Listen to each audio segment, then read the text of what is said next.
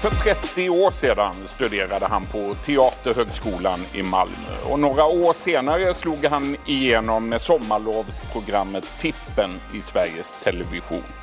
Sedan dess har han blivit Sunes pappa. Han spelar Simon Svart i Gåsmamman och vi hör honom nästan varje dag i TV4s Halv åtta hos mig. Idag utsågs han till ny ambassadör för Unicef Sverige. Varmt välkommen till den här intervjun Morgan Ali. Tack Niklas.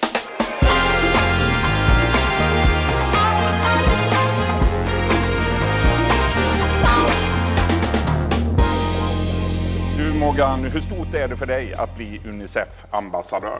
Alltså det är, eh, för mig är det här eh, ett av de största ögonblicken i min lilla karriär. Att få, eh, att få bli, eh, att någon har valt ut mitt engagemang som jag har för att stärka barn. Eh, att det syns och att eh, vi behöver, det för, behöver den kunskapen. Och det är stort, enormt stort att få vara en Unicef-ambassadör. Jag kommer ihåg när jag var barn och fick höra att det var 1979 och någon kom och skrek till mig Morgan, har du hört? Det är förbjudet att slå barn. Va? Är det förbjudet? Ja, du vet man kan hamna hos polisen om man slår barn. Och den känslan som jag fick då, ja det är förbjudet att slå barn. Nu kommer ni inte åt mig era jäklar. Och nu, liksom 35 år senare, typ så, eller 35, 40, 50 år senare, så kan jag få vara den som får vara den där lilla megafonen för alla barn som behöver det just nu. Mm. Så för mig betyder det enormt mycket. Jag är otroligt stolt. Vad hoppas du kunna uträtta som Unicef-ambassadör? Jag hoppas att jag kan få belysa frågor som ligger mig varmt om hjärtat. Eh, inte bara allt det som Unicef gör i vardagslivet eh, i, i, runt omkring i världen med, med, näring till barn och skola och barn som är utsatta för sexuellt våld och barn som är, lever i flyktingförläggningar. Utan det pågår ju också väldigt mycket även här i Sverige med barn som är utsatta och eh, kunna få belysa de frågorna och få lyfta de frågorna och kanske då också kunna stärka barn i, i det. Precis som få vara den där lilla megafonen. Morgan, har du hört? Va? Så det, det, hoppas jag att vi kan få lyfta upp det där och, och, få folk att förstå och göra dem medvetna om att det pågår faktiskt rätt mycket skit bakom våra väggar även i Sverige. Och du har ju verkligen engagerat dig genom åren i den här skiten. För barns rättigheter och mot mobbing. Mm. Bland annat i SVT-serien eh, Morgans mission. Varför har detta varit så viktigt för dig? Jag, jag tror alltså, eh, det, har, det är någonting som har växt under året. Men jag har alltid haft den här känslan av att eh, att jag har varit så arg på att vuxna människor eller människor överhuvudtaget tar sig friheter som de inte har rätt till. Varför är det deras kränkningar som ska vara okej okay, medan den som far illa är den som ska känna skulden och skammen? Så jag har alltid velat vända på det här. Jag tror att det beror väldigt mycket på den uppväxten som jag själv fick med utanförskapet och och den, eh, den problematiken jag levde i och att det har växt, ett, spirat en eh, en, en hämnd, ett hämndbegär. Ni ska inte sätta er på mig. Varför, varför ska ni göra det? Så då, eh, då har jag engagerat mig i de här frågorna för att jag vet ju att det går att få det bra.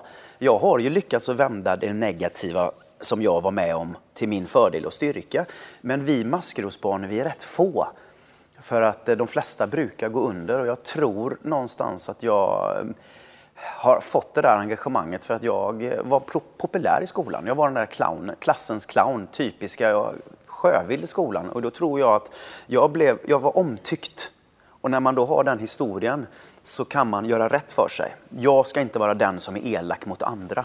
För jag växte upp med det. Så jag har haft det där rättvisepatonus legandes och, och, och, och grott. Men sen kommer karriären i vägen och man glömmer det lite grann. Men jag har varit engagerad vid sidan om. Liksom. Mm. Men eh, nu när man får möjligheten att kunna få vara en talesperson. Min karriär är lite över. Jag behöver inte bry mig så mycket om det. Jag har min fantastiska familj och jag bygger hus och jag, liksom, jag gör det som jag älskar. Och då kan jag vid sidan om hjälpa och stärka de som behöver. Och nu med Unicef kan jag verkligen göra det, för de har ju ett äkta engagemang för varenda barn i hela världen och då känns det helt naturligt för mig att kunna få ingå i det där. Nu nämnde du din egen uppväxt här. Tre barnhem, fyra fosterhem, nio olika skolor på elva år. Mm. Vad tänker du innerst inne idag när du ser tillbaka på din uppväxt? Idag, när jag, det, det är det är som en, en, en, slags film i huvudet. Känslomässigt så är jag inte så där eh, arg längre som jag har varit. För mig har det varit en revanschlust. Hela, hela mitt liv har varit, gått ut på att jag tar revansch och framförallt hämnas de plågoandarna. Se mig, titta här. Titta Hur kom vad... du över ilskan då? Jag tror att en del handlar nog mycket om att framgången eh, ledde mig det. Jag behövde inte. Jag, jag, jag vann på slutändan, tror jag. Eh, och jag kände, just den här känslan av att titta här, ni kom inte åt mig, ni vann inte, ni kunde inte trycka ner mig mer. Eh, den känslan har varit skön att kunna få gegga i. Men sen handlar det inte om att hur man har haft det, utan vad man, hur man tar det och vad man sen senare i livet gör av det som är det intressanta. För mig det är utvecklingen och jag vill ju hela tiden framåt. Va? Så att när jag, när jag tänker tillbaka på de som ljög, slog, eh, tvångsmatade, tryckte ihop käkarna, tryckte ner maten och allt det där. Så känner jag, titta, det är jag som sitter här. Det är jag som är Unicef-ambassadör idag. Det är jag som sitter med Niklas Svensson i, i Expressen TV. Det är inte ni. Ni försökte komma åt mig, men titta här vad ni inte kunde ta ifrån mig. De lyckades inte? Nej, de, jag hade talang. 2011 då gav du ut din självbiografi, Kriget är slut. Där berättar du om eh, bland annat din alkoholiserade mamma, om din uppväxt, om hur det var att växa upp som maskrosbarn. Varför var det viktigt för dig Morgan att skriva den boken? Det var väldigt viktigt, eh, det blev viktigt för mig eh, för att jag besökte en gång eh, ett hem där jag bodde. Det var när jag gjorde ARN. Eh, och då var det en, en tjej som hette Annika som skrev ett mejl. Hej Annika, eh, eh hej Morgan, Annika heter jag, kommer du ihåg mig? Vi var lekkamrater när vi var 6-7 år. Ja just det, Annika, hon bodde ju två hus ifrån mig. Så att vi åkte dit, jag och min fru, vi, vi åkte dit och så hälsade på henne och så stod vi och pratade. Så sa hon att, eh, men du kan vi inte åka och besöka, eh, min mamma bor kvar. Ja men så åkte vi och besökte det och när jag åker in på den vägen där vi bodde, då kände jag bara hur all ångest kom tillbaka. Jag hade glömt bort det, men minnet sviker den inte. Så när jag står där och tittar på huset som Gud glömde så eh, blir jag så fruktansvärt, alltså får sån ångest liksom. Och sen så stod vi och pratade med ett gäng och då är det en eh, mamma som säger, ja, vi hörde hur ni skrek, men vad skulle vi göra? Och då kände jag, Alltså min fru blev ju fruktansvärt förbannad när vi satt i bilen. Man, när man ser och hör barn som far illa så gör man. Man kan knacka på, man kan ringa till polisen, man kan göra vad som helst. Men tystnaden är inte ett alternativ, skrek hon. Och då kände jag, nej men nu är det nog dags för mig nu har jag rider jag med konstig peruk i, i långfilmer. Nu är det kanske dags för mig att lyfta på mitt lilla blad och berätta min historia. Så då gjorde jag det. Då skrev jag Kriget till slut som eh, jag tror har betytt mycket för många. Ja, vad har du fått för reaktioner på den? Genom åren? Ja, eh, nu är, det nu är den tio år gammal den boken men jag får ju fortfarande mejl. Jag fick mejl igår igen. Eh, människor som, som på något sätt, jag tror att det är människor, just nu är det människor som har själva gått igenom det. Har mycket, mycket, men den fick ju fantastiska recensioner, den har sålts jättemycket exemplar och det gör mig bara glad för då sprids en historia. Men min historia är ju inte speciellt unik. Det här, det här finns ju överallt. Mm. Det är ju historier med människor som går igenom ett krig. Vissa har klarat sig, vissa, de flesta klarar sig inte. Så reaktionerna har varit eh, starkt, eh, alltså fantastiskt och jag är jätteglad att, så nu sitter jag och skriver på tvåan vad som hände sen. För att gå igenom kriget, det är en sak, men sen när man lever med framgången eh, och har den ryggsäcken, det är inte lika lätt. Man tror inte på framgången, man litar inte på den, man tror att man kommer få en örfil igen. Vad är ditt tips då till den lilla pojke eller flicka som är i den situationen idag? Som har det stökigt hemma, som ja. kanske misshandlas, utsätts för övergrepp? Mm. Ja, mitt tips är ju det att det är inte dig det är fel på. Det är inte du som gör fel. Eh, utan eh, prata med någon om det. Prata med läraren, prata med... Alltså tystnaden är det största sveket. Va? Eh, de som ser och hör men ingenting gör, de ska veta det. Tystnaden är det största sveket. Och det är där vi måste sättas in då och prata med de här barnen som just nu är utsatta, som lever i det. Att ni ska veta det att vi är många som står här och bara säger välkomna ut. Vi är många som är där för dig. Men om du är tyst så kan vi inte hjälpa dig. Det så går att ta sig ur det. Det går att ta sig ut det. Och nu när svensk lag blir ändrad här, när barnkonventionen blir svensk lag 1 januari, då har du också lagen på din sida. Mm. Du Morgan, idag är du själv pappa till fyra barn. Ja. Ville, Love, tvillingarna Alva och Edvin. Hur är du som pappa? Ja, jag, vet, jag, tror att jag curlar dem ganska brutalt du är faktiskt. En ja, jag tror det. Jag tror det. Jag tror det. Men det är jag faktiskt med glädje. För om jag tänker igenom på det, det, den där örfilarna och den där penalismen man gick igenom som barn, tänker jag så skulle jag aldrig göra idag. Så att, eh, då tar jag hellre den curlingproblematiken som kommer lite senare. För att vi, jag försöker bara säga till dem varenda dag, prata, alltså jag älskar dig. Har jag sagt att jag älskar dig idag? Har jag sagt att jag älskar dig då? Nej men herregud, kom hit, du måste få en kram, kom igen nu. Så att vi, eh, jag, jag, jag försöker göra det. Sen så är jag kanske lite frånvarande för jag jobbar väldigt mycket. Men mitt engagemang är alltid, jag ska alltid lämna och hämta på förskolan. Det är så här. Sen kan jag jobba jättemycket emellanåt. Men eh, jag vill ha helgerna fria, jag går aldrig på krogen, jag, jag går inte på kändispremiärer och sånt. Utan jag vill hem till min familj. Eh, för de är mitt allt. Det var det jag inte fick. Jag vill ge dem en barndom jag inte fick. Hur mycket Morgan är det i Sunes pappa Ja, det är ganska mycket faktiskt. Det är det? Ja, eh, eh, jag är inte snål. Jag är inte snål. Jag är precis tvärtom. Det är bara så här för mig. Men eh, annars är han, pappa Rudolf älskar ju sin familj. Och, eh, men sen är det väl, jag, jag är lika disträ som honom kan jag säga. Jag kan gå ut och, och glömma att låsa bilen. Den står öppen med dörren. Alltså, jag kan i princip gå, alltså, ja ni är ganska lika. Vi är väldigt lika. Jag, jag, eh, jag lägger korven, brödet på tak, biltaket och sen kör jag. Eh, jag är precis likadan. Du, sedan i våras gör mm. du och din hustru Anna-Maria podden Familjen Dahl Alling. Där ja. man får lära känna er och hela er familj. En podd mitt i livet om allt från tvillingchock och husbygge till mm. panikångest, livsdrömmar, ja. kärlek mm. och konsten att hantera besvärliga människor. Varför, ja.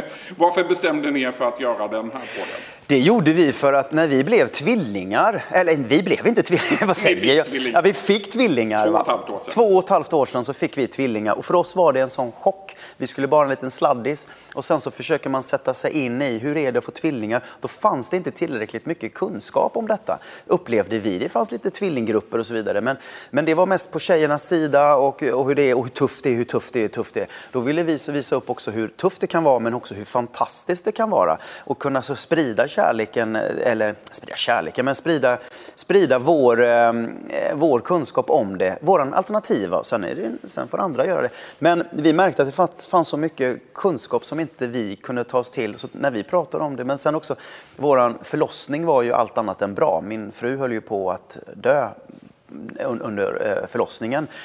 Och den skräcken och den paniken som det, det innebar eh, det kunde vi inte heller prata och bearbeta om. Men vi vet ju det, att ute i vårt avlånga fantastiska land är det hundratusentals kvinnor som har gått igenom tuffa förlossningar också.